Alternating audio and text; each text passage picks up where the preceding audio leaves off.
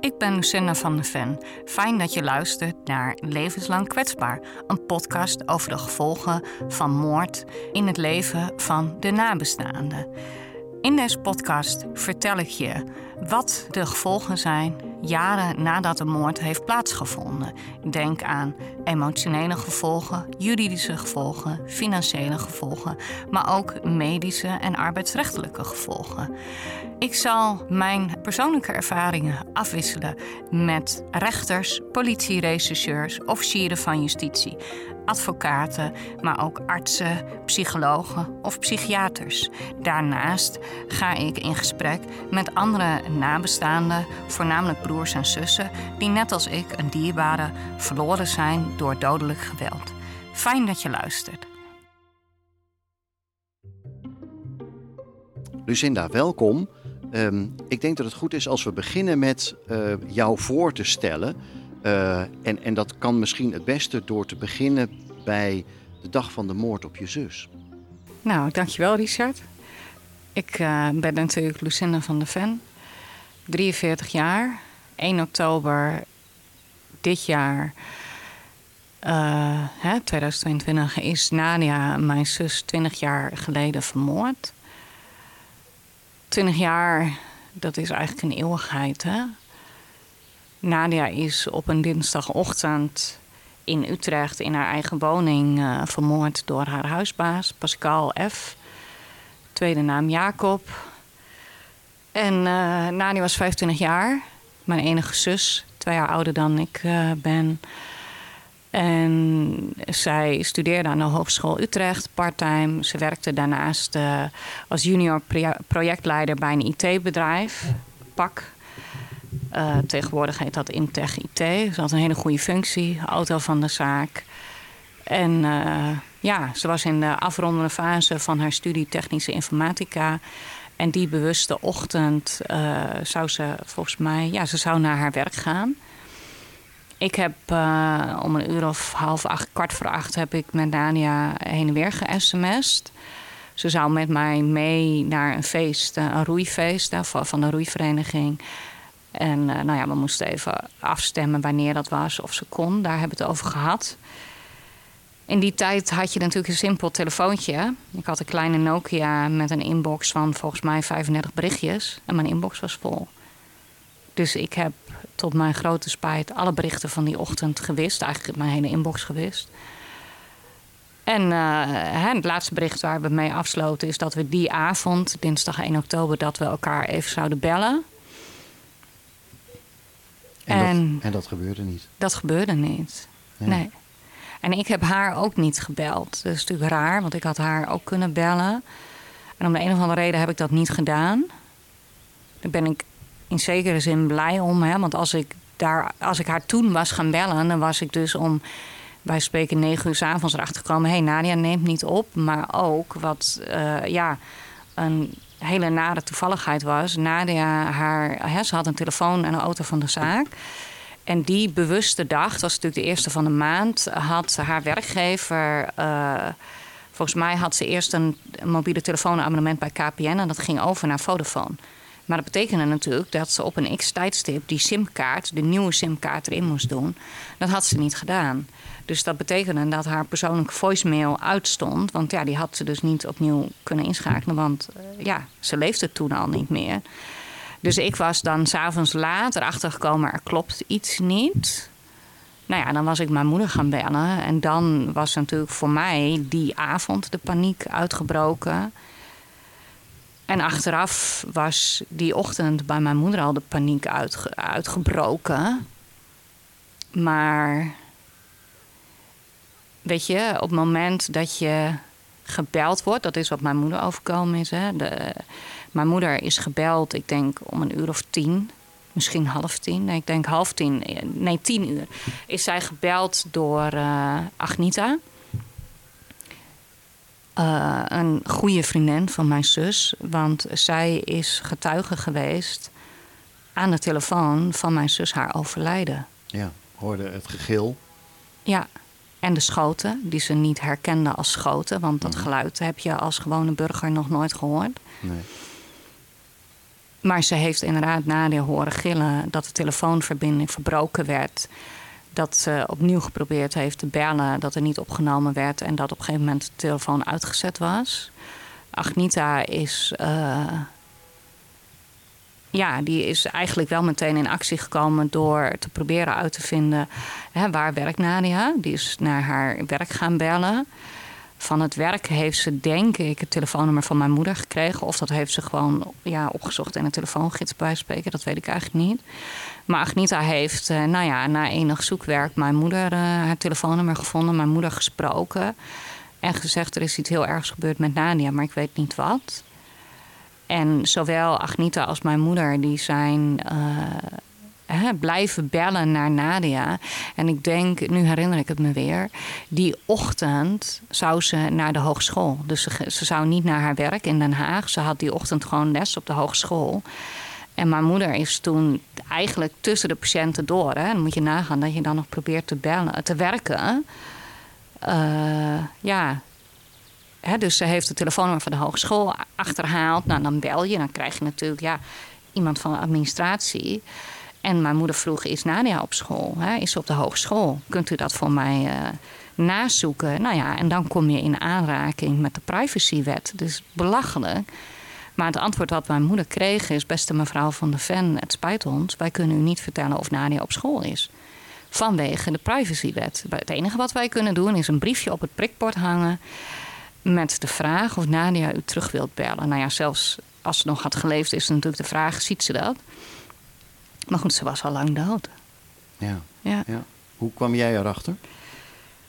Uh, ik heb pas op 2 oktober, de volgende ochtend, gehoord dat Nadia was gestorven. Dus ik heb een rare nacht gehad. Hè. Ik dacht wel, waarom belt Nadia niet? Ik ben geslapen. En ik, ik ben dinsdag of woensdagochtend opgestaan. En uh, ja, wel. Ik, ik, weet, ik weet eigenlijk niet eens meer. Hè? Want je denkt altijd, ja, je voelt toch dat iemand van wie die zo dicht bij je staat. Hè? Je voelt toch als er iets gebeurt met iemand van wie je houdt. Mhm. Ik denk dat ik die ochtend nog niet het gevoel had, er hangt mij iets verschrikkelijks boven het hoofd of er is iets verschrikkelijks gebeurd. Dat gevoel had ik niet. Dus ik ben, ik, ik heb mijn tas ingepakt. Ik ben eh, naar het Universitair Sportcentrum gegaan. Ik heb daar uh, getraind en me aangekleed. En toen ik weer bij de fiets kwam, toen was het volgens mij half tien. En toen had ik mijn telefoon, uh, die zette ik weer aan. Hè. In die tijd zette je je telefoon nog uit. Als je even niet gestort wilde worden. Ik bedoel, de stilknop hadden we volgens mij niet. Dus ik zette mijn telefoon aan. En toen had ik volgens mij ik denk wel vijf voicemailberichten. Nou, dus om half tien ochtends is dat natuurlijk best bijzonder... in dat uurtje dat mijn telefoon uit had gestaan. En die ben ik af gaan luisteren. En al die berichten die waren allemaal van mijn moeder. Lucinda, waar ben je? Bel je me? Lucinda, waar ben je? Ik heb je nodig. Wil je me terugbellen? Ja. Weet je, dat raakt me natuurlijk nu eigenlijk nog steeds. Gewoon mhm. zo hard verscheurend dat je... Ja, Weet je, dat je eigenlijk al weet wat het ook is, het is verschrikkelijk. Dus eigenlijk zakte op dat moment al de grond onder mijn voeten weg. Omdat mijn moeder die vroeg steeds: waar ben je? Wil je me terugbellen? Ik heb je nodig. Waar ben je? En toen heb ik natuurlijk mijn moeder gebeld. Uh, ik denk dat mijn moeder, nou ja, ze moet al een mobiele telefoon hebben gehad, maar die gebruikte ze heel weinig. Dus het zou me niks verbazen dat ik eerst op de vaste telefoon heb geprobeerd, omdat ik natuurlijk gewoon in de veronderstelling was: mijn moeder is thuis, ze is aan het werk. Mhm. ja, ze uh, had haar praktijk uh, aan huis. En ik denk toen ik op de vaste geen gehoor kreeg, of misschien heeft ze ook gezegd: je moet mobiel bellen, dat weet ik natuurlijk niet meer. Maar goed, ik heb haar gebeld. En toen zei ze: Wij komen naar je toe, waar ben je? En ze specificeerden niet wie wij zijn. Dus ik heb gezegd, nou, hè, ik sta aan de Boelenlaan tegenover het Universitair Sportcentrum. Ik heb een witte broek aan. Ik zal de fiets op slot zetten. En eh, nou ja, eigenlijk nadat ik haar gesproken had, binnen vijf minuten, misschien tien minuten, was ze er. Nou ja, en die minuten die zijn natuurlijk de meest verschrikkelijke minuten van je leven. Want, want je, wist niet wat er, wat er aan de hand was. Ik wist totaal niet wat er aan de hand was. Ik vond het heel gek dat mijn moeder, terwijl ze moest werken, op een doordeweekse dag naar mij toe kwam. Mhm. Ik bedoel, dat deed ze normaal gesproken nooit. ik ging naar huis. Hè. Ik ging naar haar toe, naar Kogenazaan. Dus zij kwam uh, niet zomaar naar Amsterdam. En zeker niet omdat ik die week een tentamen moest doen. Hè. Ik moest studeren, dat wist ze. Dus ik wist, ik moet naar mijn moeder uitkijken. Wat ik me nog herinner is dat ik eigenlijk totaal niet wist... ja, maar naar welke auto moet ik dan uitkijken? Mijn moeder die reed wel auto, maar eigenlijk liever niet. Dus ik wist niet, komt ze met haar eigen auto? Rijdt ze met Nania mee omdat er iets met mijn vader gebeurd is? Dan komt ze dus met Nani haar auto, dat is een andere auto. Of zit ze misschien in de auto bij Nani haar ex-vriend, omdat er iets met Nania is of wat dan ook. En rijdt ze met hem mee. Hè? Hij had weer een andere auto. Dus ik wist niet naar welke auto ik moest uitkijken. En je wacht daar maar. En toen reed er een auto. Toen stopte er een auto. En dat was dus geen van die drie auto's. Dat was de auto van mijn oom en tante. En mijn moeder die zat achterin met mijn tante. Dus mijn oom zat achter het stuur alleen. Of tenminste alleen. Hè. Er zat niemand naast hem. Dat is al heel raar. Waarom zat mijn moeder achterin? Nou ja, en... Uh, ik, ja, ik ben ingestapt. Dus ik zat hè, rechts naast mijn moeder, daarnaast zat mijn tante. En uh, ja, terwijl mijn oom de auto keerde, vroeg ik natuurlijk meteen: wat is er? Is er iets met Nadia? En in die paar minuten ervoor, dat ik nog aan het wachten was, ja, toen uh, had ik een soort flits die door mij heen ging van Nadia in een kist. Dat, dat is wat er door mij heen ging, dat weet ik nog heel goed. En eigenlijk dacht ik vooral, Nadia heeft een ongeluk gehad. Dat gevoel had ik, hè, er is iets heel ergs, maar ze heeft een ongeluk gehad. Ze ligt hè, tussen aan nog steeds gewoon in het ziekenhuis. Dat is wat ik dacht. Of wat je dan hoopt onder de omstandigheden. En toen zei ze, Nania is dood. Nou ja, dan is je volgende vraag, hoe dan? En toen zei ze, denk ik, meteen vermoord. Ik weet niet eens hoe ze... Ja, ik denk dat ze meteen zei vermoord. En volgens mij wisten we toen helemaal nog niet dat ze was doodgeschoten van dichtbij hoe ze was vermoord. Dat heb ik eigenlijk ook helemaal niet gevraagd. Wel natuurlijk wie heeft het gedaan. Hè, van heeft haar ex het gedaan? Nou, godzijdank niet. Maar op dat moment wisten we dat nog niet. Ja, nou ja, dus dat uh, was het moment dat mijn leven voorgoed veranderde. Ja. ja. En jij zat in die auto op de achterbank. Ja. Ja. We reden, we reden nog in Amsterdam, hè? Amsterdam-Zuid. waren, ja. Ik bedoel, we waren nog niet eens op de snelweg. Ja. Wat was het eerste wat je gedaan hebt? Ja. Want dat tekent wel, denk ik, uh, hoe jij je daarna staande hebt gehouden. Nou ja, wat je doet is je komt acuut in een overlevingsmodus. En waar ik heel goed in ben, als ik heel veel stress heb, is handelen. Dus ik heb werkelijk, hè, mijn moeder heeft dit nieuws verteld en ik ben uh, direct gaan bellen. Binnen vijf minuten? Ja.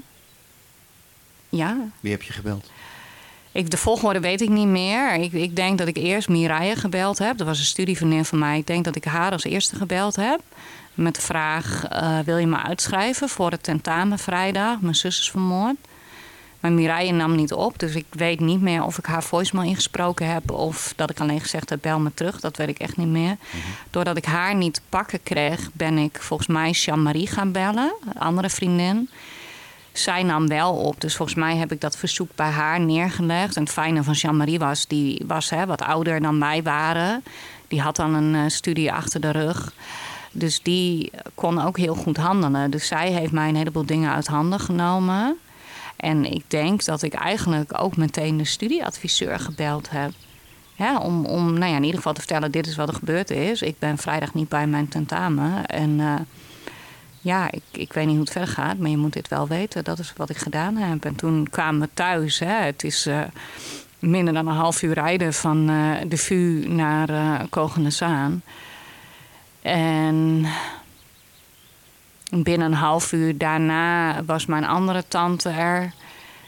Zij had uh, haar dochter, mijn nicht, volgens mij meegenomen en meteen de begrafenisondernemer meegenomen. Dus eigenlijk binnen een uur nadat ik net pas gehoord had hè, dat Nania overleden was, zijn we al direct gestart met het uitzoeken van de rouwkaart, de rouwkist. Eh, hoe wil je de ceremonie vormgeven? Welke datum kies je? Nou ja, dat is besopen. Het is, het is veel te snel gegaan. Je krijgt amper tijd om te verwerken wat er gebeurt. Ja.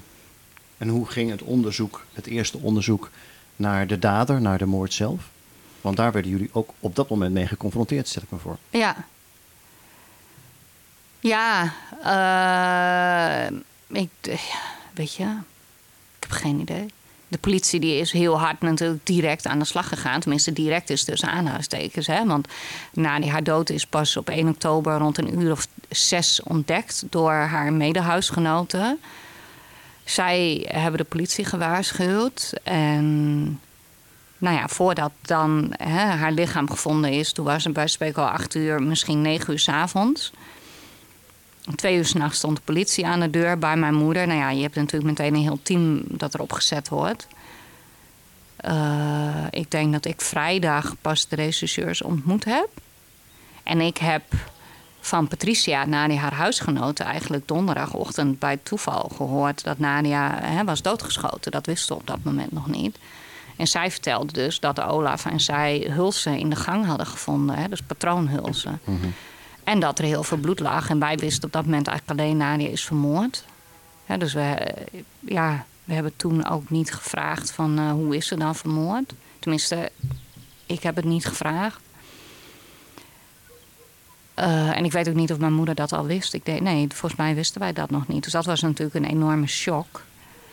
Het zou ook kunnen dat, we, dat de recherche donderdag al is langs geweest, maar ik heb geen idee. Ik weet het niet meer. Nee. nee. Toen kwam de begrafenis ja. je zus. Weet je daar nog wat van? Ja, zaterdag 5 uh, eh, oktober is Nania begraven, 5 oktober 2002.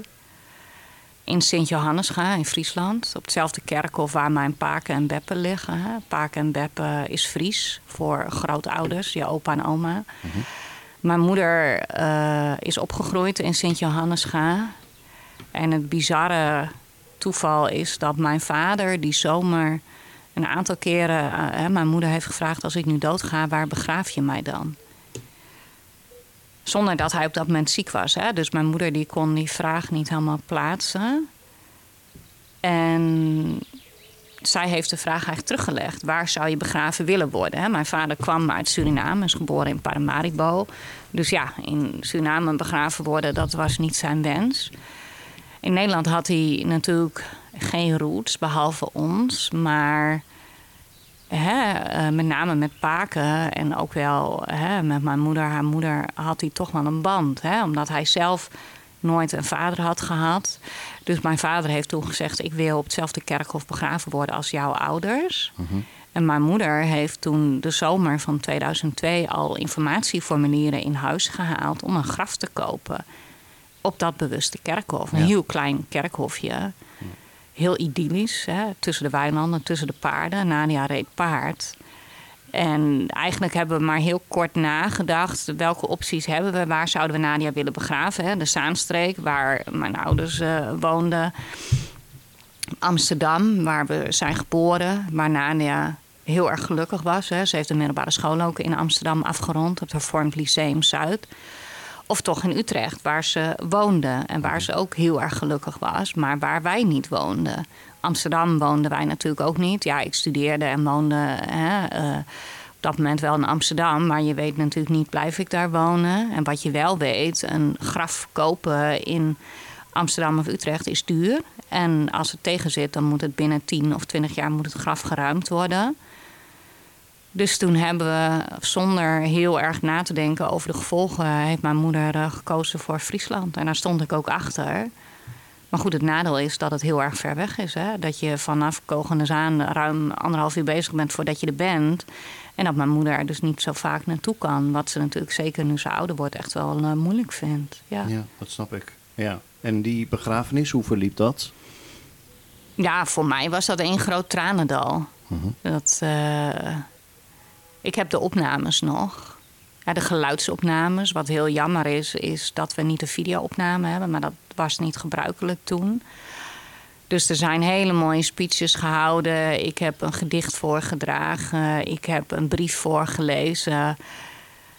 Uh, hè, we hebben I Still Cry van Ilse de Lange gedraaid. Nou, nee, die was weg van Ilse. November Rain hebben we gedraaid van Kunst en Roses. Dat vond ze een heel mooi nummer.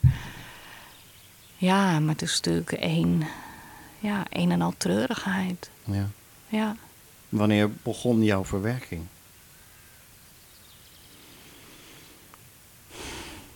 Ik heb geen idee. Weet je, eigenlijk vraag je wanneer eindigde de shockfase. Ja. Je kan pas beginnen met verwerken als de shock voorbij is. En die shockfase die heeft misschien wel vijf jaar geduurd. Alleen kregen, je bent je daar niet van bewust op dat jullie moment. kregen tegelijkertijd ook te maken met de rechtszaak tegen de dader... die inmiddels gevonden was, die door de politie werd aangehouden toen hij weer in Nederland kwam. Hij was gevlucht naar het buitenland in eerste instantie. Toen hij weer in Nederland kwam, aangehouden kon worden. Toen begon de rechtszaak tegen hem.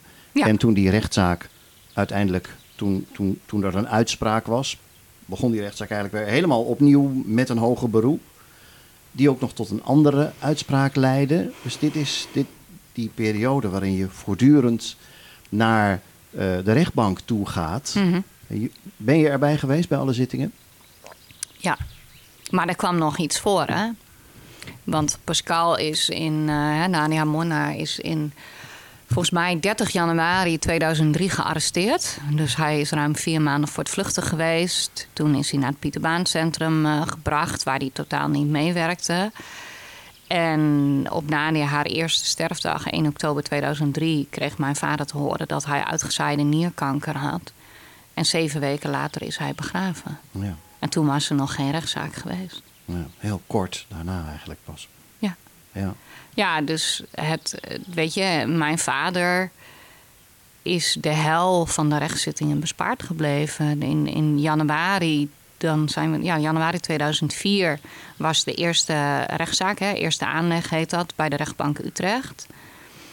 Duurde drie dagen, dat is echt uh, bijzonder lang. Nou ja, dat was verschrikkelijk. Ja. ja. Ja, wat je dan hoort.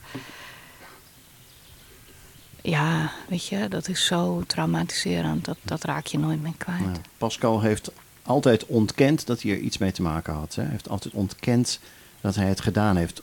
Ook al was er heel veel technisch bewijs. Ja, hij is uh, niet voor niks. Uh, uh, door de rechtbank Utrecht tot levenslang veroordeeld. Waarbij heel expliciet gezegd is: de moord op Nadia van der Ven alleen was voldoende voor levenslang. Hij heeft levenslang gekregen. Dat doe je niet als er mager bewijs is. Ja, ja. in tweede instantie, dus uh, de hoge beroepszaak.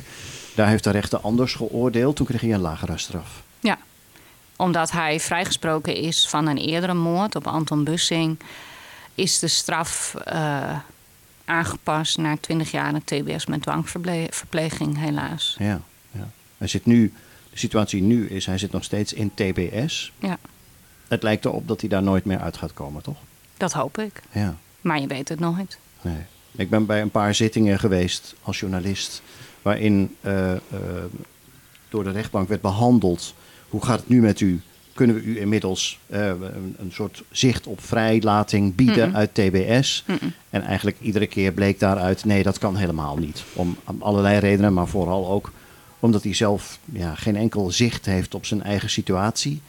Nooit meewerkt. Dus ja, het, het, lijkt erop dat hij uh, uh, ja, in ieder geval nog heel lang, zo niet voor altijd, in TBS zal blijven, toch? Dat hoop ik. Maar het doel van TBS is en blijft dat de dader terugkeert in de maatschappij. Dus ik, ja, ik denk dat het levensgevaarlijk is als hij weer op straat zou komen. Maar ik durf er niet op te vertrouwen dat hij de rest van zijn leven achter tralies blijft. Dat hoop ik.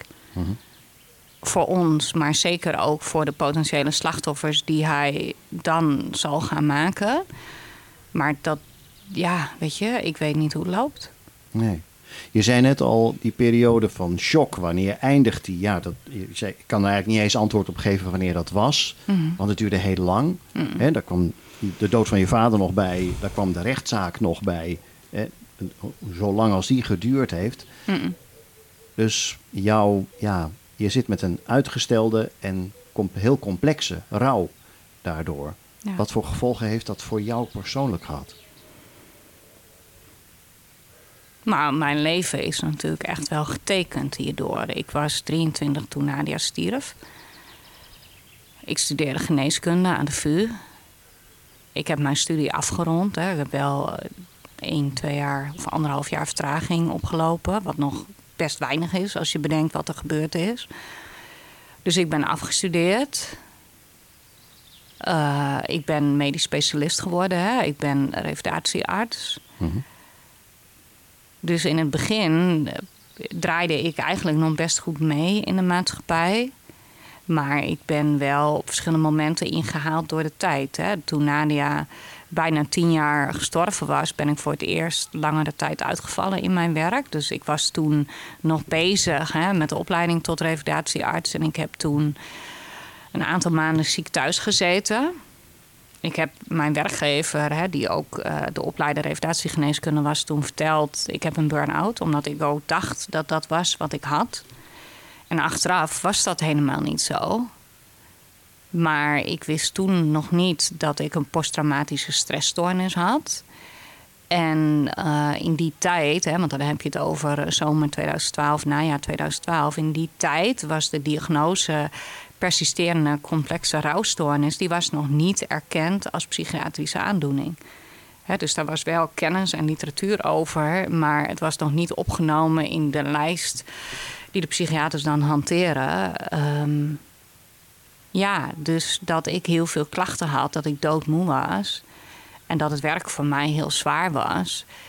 Weet je, ik wist alleen, ik ben moe en ik ben uitgeput. Maar dat dat kwam doordat ik het verdriet herbeleefde. En dat ik heel veel in het verleden leefde. En dat er een heleboel dingen waren die mij triggerden. Ik had alleen uh, niet door dat ik herbelevingen had, doordat ik geen nachtmerries had. Ja, ik werd niet badend in het zweet wakker. Ik, ik, ik heb na die haar dood niet fysiek gezien. Hè? Dus ik had daar geen beelden bij. Maar ik werd wel heel vaak getriggerd. Hè? Iedere keer als er in het nieuws eh, kwam dat iemand was vermoord, dan raakt dat je. Als ik op tv uh, een film aan het kijken was of een tv-serie. En hè, je, het was niet een gewelddadige serie. En er werd iemand onverwachts in doodgeschoten. Ja, dan had ik een hartslag die sky high was. Hè, als iemand in die tv-serie, de, de hoofdpersoon bijvoorbeeld, als die overleed. of als de hoofdpersoon te maken kreeg met het overlijden van een ouder of een familielid. en je ziet het verdriet bij die ander. dat waren allemaal triggers voor mij. En wat gebeurde er dan als je zo'n trigger, als je daarmee te maken kreeg? Dan werd ik ook overspoeld door verdriet. Ik werd echt overspoeld door verdriet. Ja, gewoon heel veel verdriet. Maar ik wist niet dat de intensiteit van mijn verdriet dat dat eigenlijk abnormaal was. Hè. Er is niemand die ons heeft voorgelicht. Je hebt zoiets heftigs meegemaakt. Hou er rekening mee dat dit symptomen zijn die jij kan ontwikkelen. En weten ook dat dat normaal is. Je hebt zoveel verdriet je wordt bij momenten zo overmand door het verdriet dat je echt bang bent om gek te worden. Kom ik hier wel uit? Gaat dit ooit over? Dus iedere dag was voor mij een worsteling. En tussen die worsteling door deed ik mijn tentamens. Uh, ik ben naar Edinburgh geweest voor mijn wetenschappelijk onderzoek. Dat was een fantastische tijd. Maar ik denk dat ik echt jarenlang, meerdere avonden van de week, dat ik mijzelf in slaap huilde.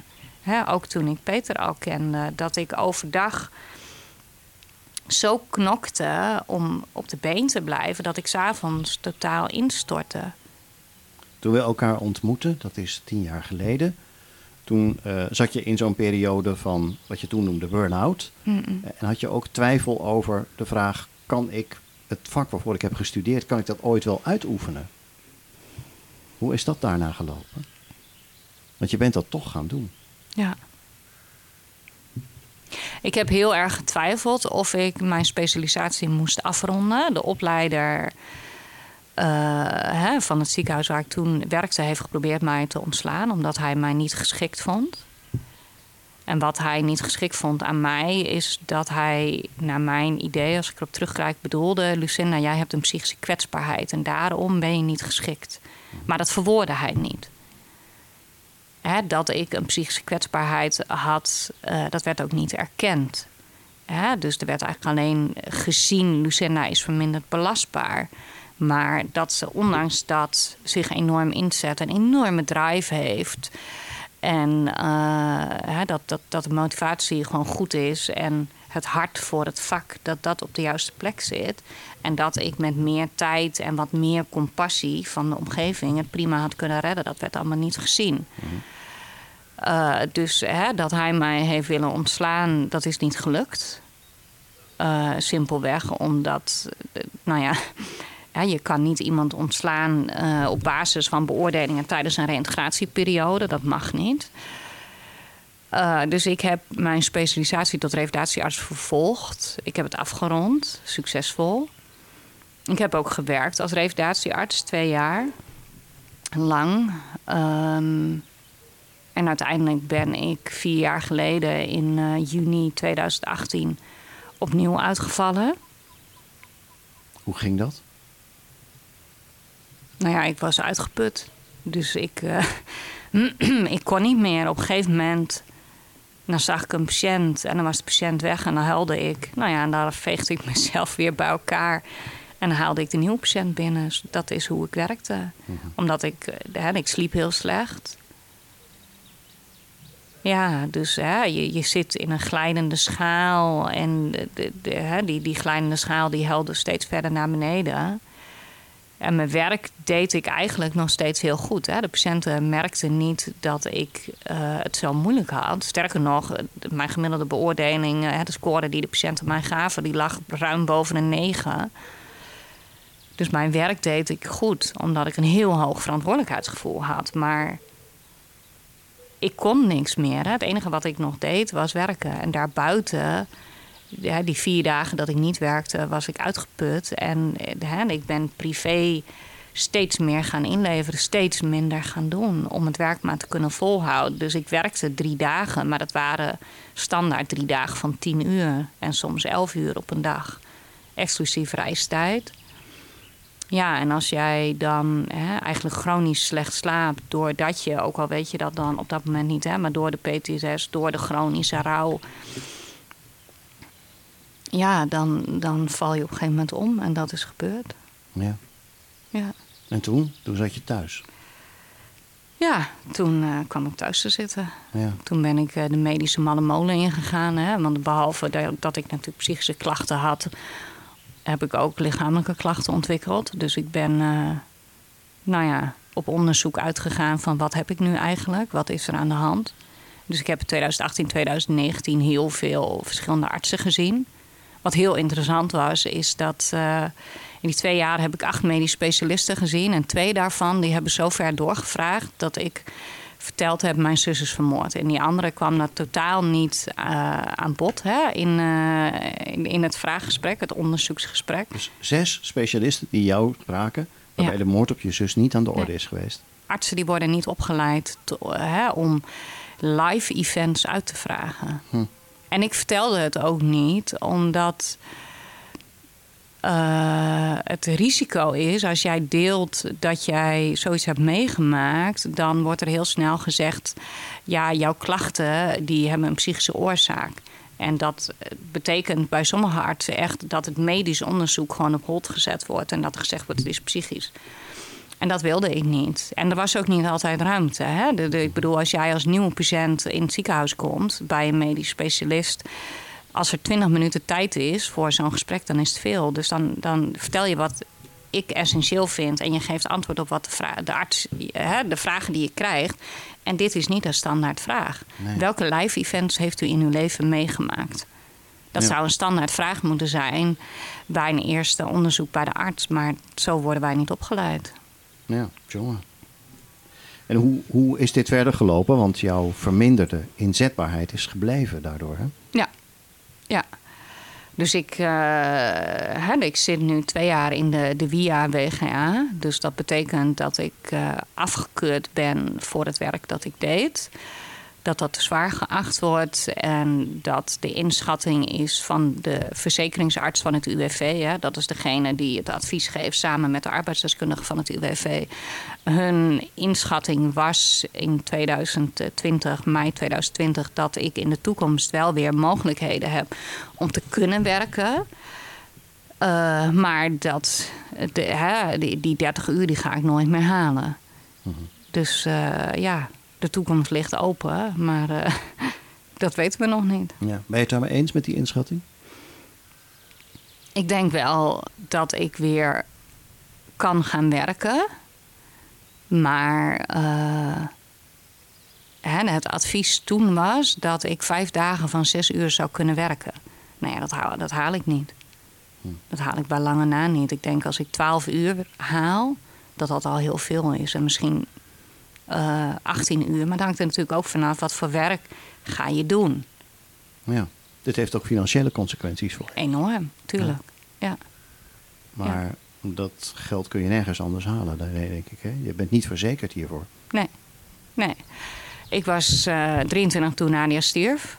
Dus als je ervan uitgaat dat ik tot mijn 67ste moet werken, als je uitrekent hoeveel studievertraging ik heb opgelopen. Dat ik drie jaar langer heb gedaan over de specialisatie tot revalidatiearts. Hè. Dus dat ik aan het begin van mijn leven al tien jaar vertraging heb opgelopen, of vijf jaar. Ja, weet je, ik had 45 arbeidsjaren voor mij. Dus de, het inkomstenverlies en, en de invloed op mijn carrière mogelijkheden van de moord op mijn zus, dat, dat is enorm ja. die gevolgen die, die draag je altijd mee. Ja, we benoemen het omdat jij, je netwerk is heel breed. Je hebt heel veel contact gelegd met mensen die iets soortgelijks is overkomen. Die ook iemand na moord of geweld zijn kwijtgeraakt. En er zijn parallellen, hè? Ja, het jammer is dat eigenlijk nog nooit in kaart is gebracht... wat is het ziekteverzuim onder nabestaanden van dodelijke geweldsdelicten? Hoe groot is het percentage mensen dat uitvalt?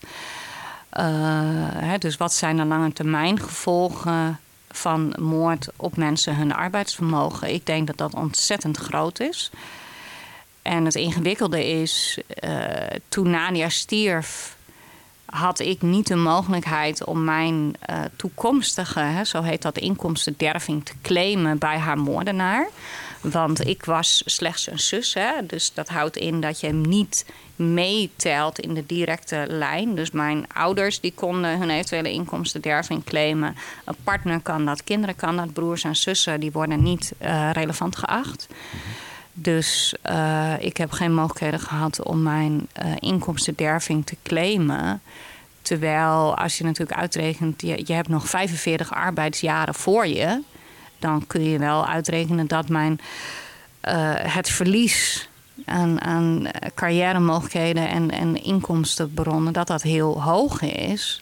Maar op het moment dat de rechtszaak dient, kun je niet in de toekomst kijken. Hè? Ik, ik, bedoel, Nadia is nu 20 jaar gestorven, of bijna 20 jaar gestorven. En eigenlijk wordt nu pas duidelijk hoezeer mijn carrière mogelijkheden gedwarsboomd zijn door haar dood. Hè? Ik had uh, bij spreken willen promoveren. Dat had ik gekund. Hè, en die, die wens had ik ook, maar die energie heb ik niet. Hè, dus. Uh, voor, iemand die dit, voor iemand die dit nu zou overkomen, is de situatie inmiddels al in die 20 jaar verbeterd? En op welk vlak dan? Er is iets verbeterd in de zin dat je nu als nabestaande, maar dan moet er een dader zijn. Hè? De daders zijn ook vaak, on, hoe noem je dat, uh, onvindbaar. Dus er is niet altijd een dader. Dat is een probleem. Uh, maar als die er is? Wat, als er een dader is, dan kan je tijdens de rechtszaak, hè, dat noemen we dan voegen. Dus dan kan je jouw inkomstenderving invoegen bij de strafzaak. Maar die, moet dan, die inkomstenderving moet dan op dat moment al wel duidelijk zijn. Wat, wat ik aan jou begrijp is dat die inkomstenderving pas daarna, veel later, duidelijk werd. Dat pas later duidelijk werd wat de gevolgen voor je waren. Ja, dus het probleem is eigenlijk, uh, je moet een soort schatting maken van de toekomst. Waarbij het doel niet kan zijn dat je de vo volledige inkomstenderving gaat compenseren. Want dat is niet mogelijk. Hè. Zo vermogend is geen enkele dader. Maar je kan eigenlijk ook alleen maar een inschatting maken van iemand zijn toekomstige verliezen aan uh, arbeidsvermogen als die persoon op dat moment al werkzaam is. Ik werkte natuurlijk nog niet.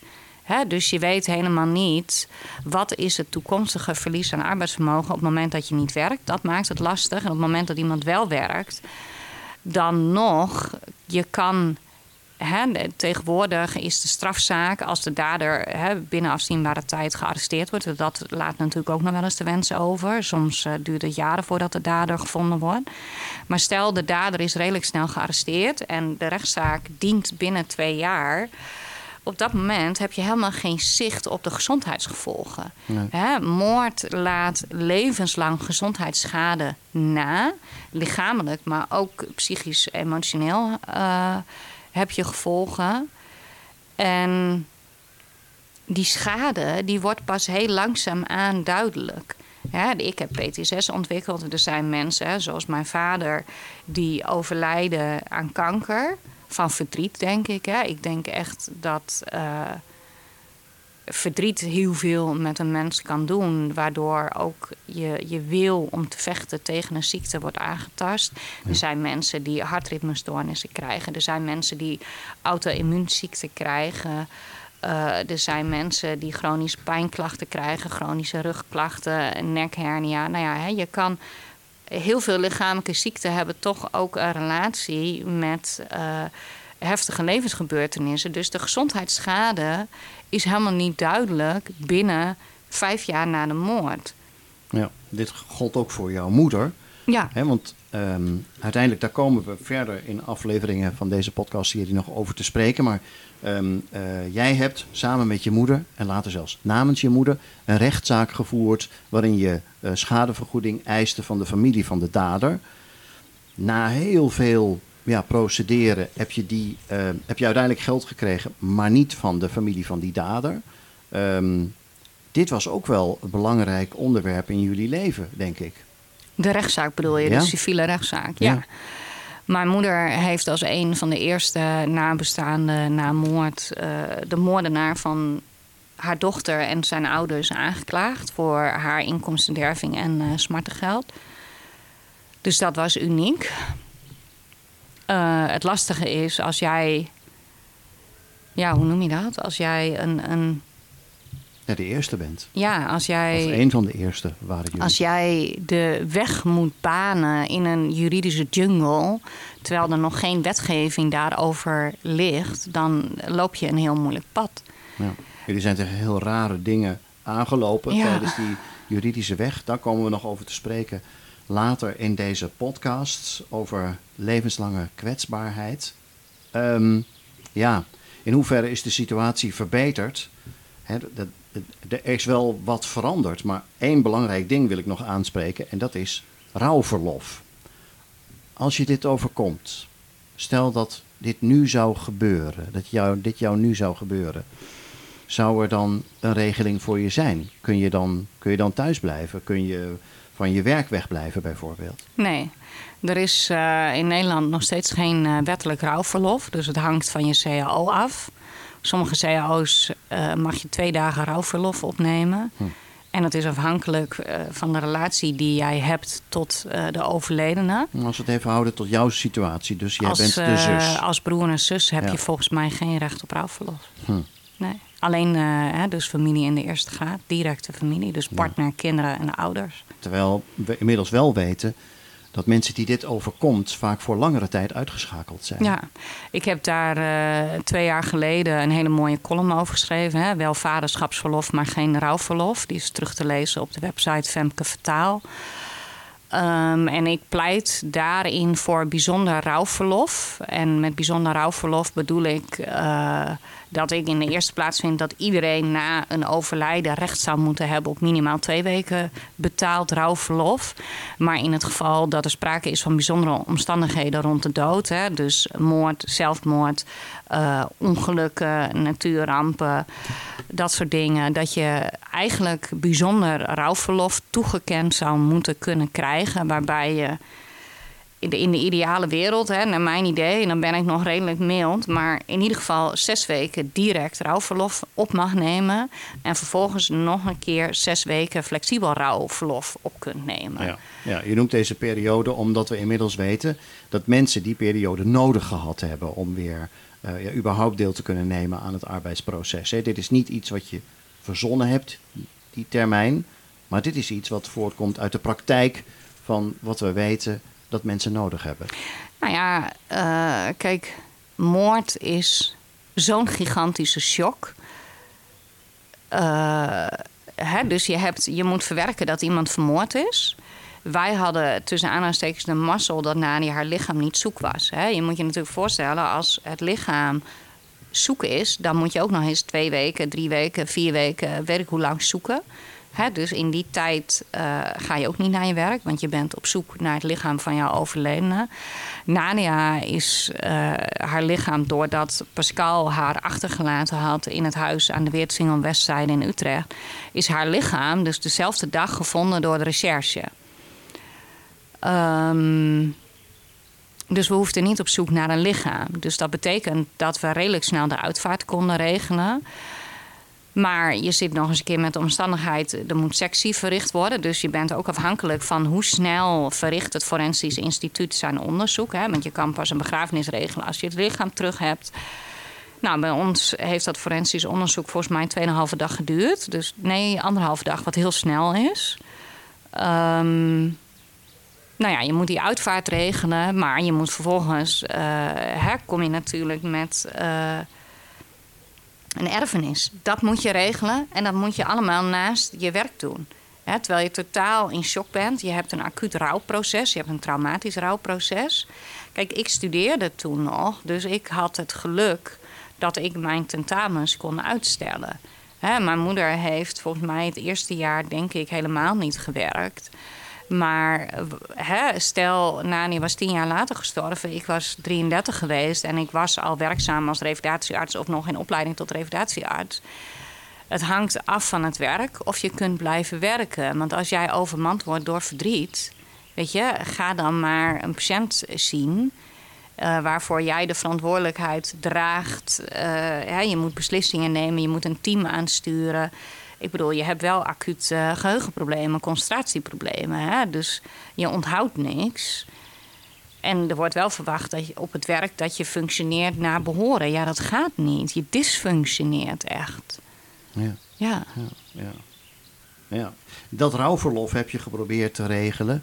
Ook in, in, ik bedoel, er is ook echt een Kamervoorstel geweest hè, dat in deze richting ging.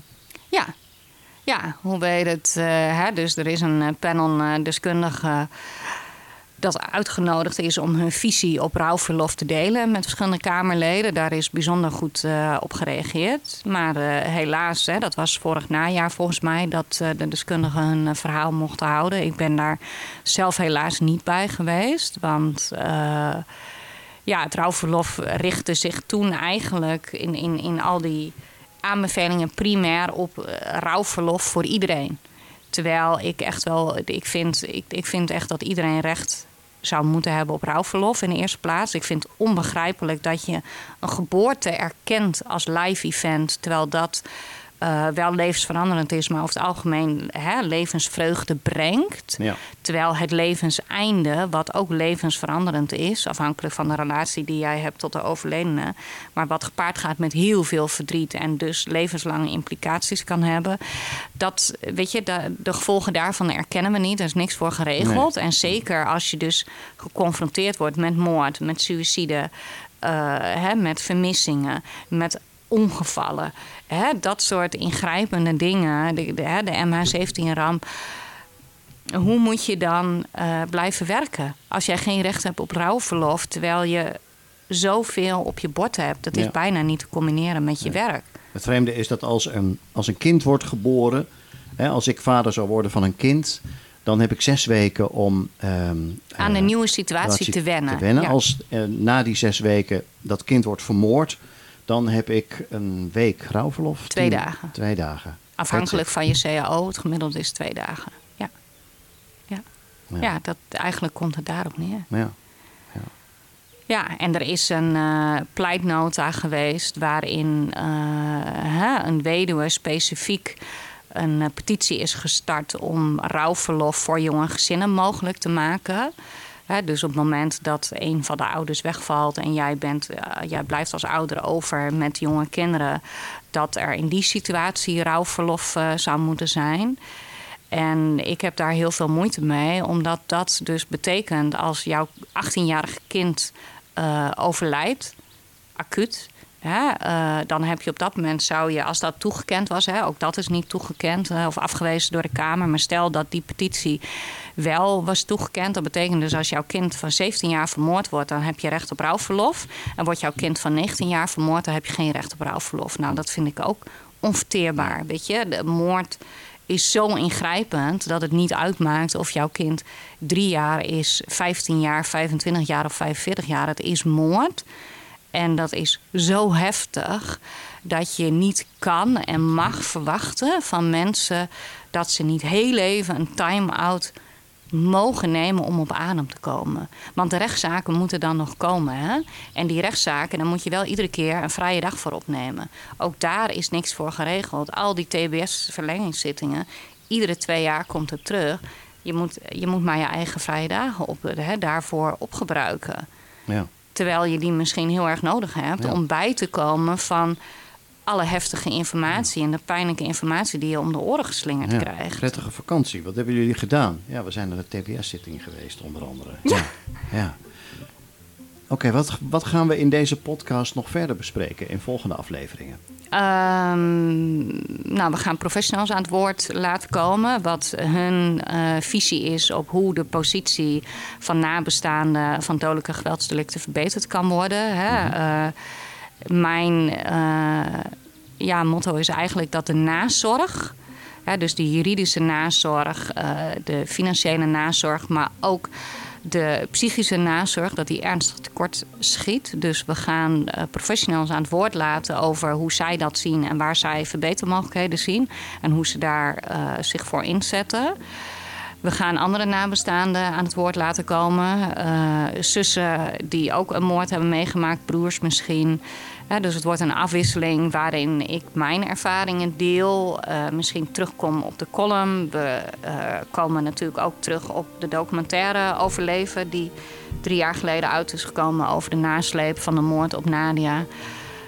Um, ja, dus het wordt een hele afwisselende en ik denk interessante podcast... waarin ik vooral het licht wil laten schijnen op de lange termijn gevolgen van moord. Want die worden enorm onderschat. Er is heel veel aandacht voor de dader, de resocialisatie van de dader. Er wordt heel veel uh, wetenschapsgeld geïnvesteerd in het in kaart brengen van de effecten van detentie, de effecten van TBS-behandeling. Maar er wordt nauwelijks geïnvesteerd in het verbeteren van de nazorg aan. Uh, nou ja, de kleine doelgroep, maar de wel zeer kwetsbare doelgroep die je als nabestaande van een dodelijk geweldsdelict eigenlijk bent. Daar gaan we het over hebben. Dankjewel voor het luisteren. Als je je abonneert op deze podcast, krijg je automatisch een melding wanneer er een nieuwe aflevering verschijnt. Door een review achter te laten, help je mij en andere nabestaanden om de problemen waar wij tegenaan lopen meer bekendheid te geven. Fijn als je dat wilt doen. Wist je dat er ook een documentaire is verschenen over de gevolgen van de moord op mijn zus Nadia van der Ven? Overleven is te zien op YouTube.